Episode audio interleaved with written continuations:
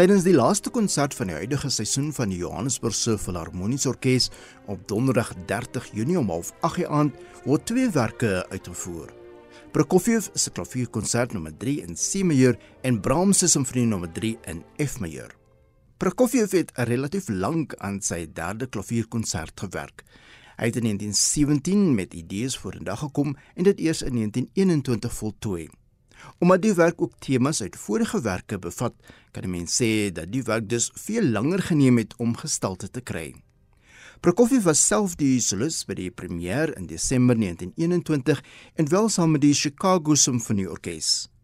Hoewel die klavierkonsert die standaard 3 bewegings het en struktureel baie klassiek voorkom, wemel dit van virtuose uitdagings vir die solis en terselfdertyd is daar ook talle passievolle en emosionele dele wat die gehoor kan geniet. Brian Wallick sal die solis wees in die uitvoering van Prokofiev se klavierkonsert nommer 3 in C majeur. Hy het onder andere die Vladimir Horowitz Prys in 1997 gewen en saam met bekende orkeste en dirigente wêreldwyd opgetree. Hy het ook talle kere in Suid-Afrika met ons voorste orkeste heelwat konserte gelewer.